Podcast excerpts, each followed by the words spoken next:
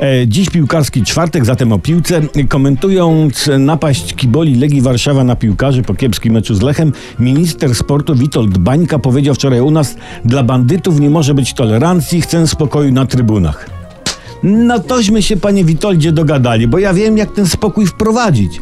Trzeba dać kibolom przy wejściu na sektory taką porcelanową filiżankę z kawą i jakieś takie zmysłowe, ale nie za bardzo ciasteczko, żeby sobie tak trzymali i pili.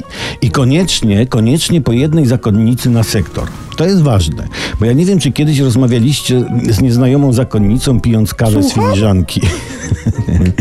To są klimaty mniej więcej typu i płynie, płynie nierealnie rzeką zielony zajączek.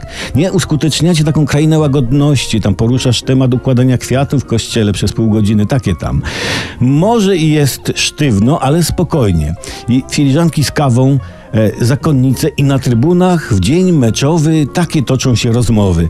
A proszę popatrzeć, jakimś pięknym rajdem popisał się nasz zawodnik.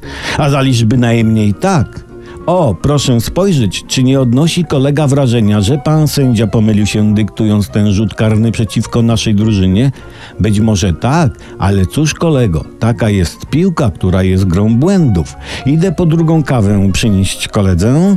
Nie dziękuję, trzeba dbać o serce.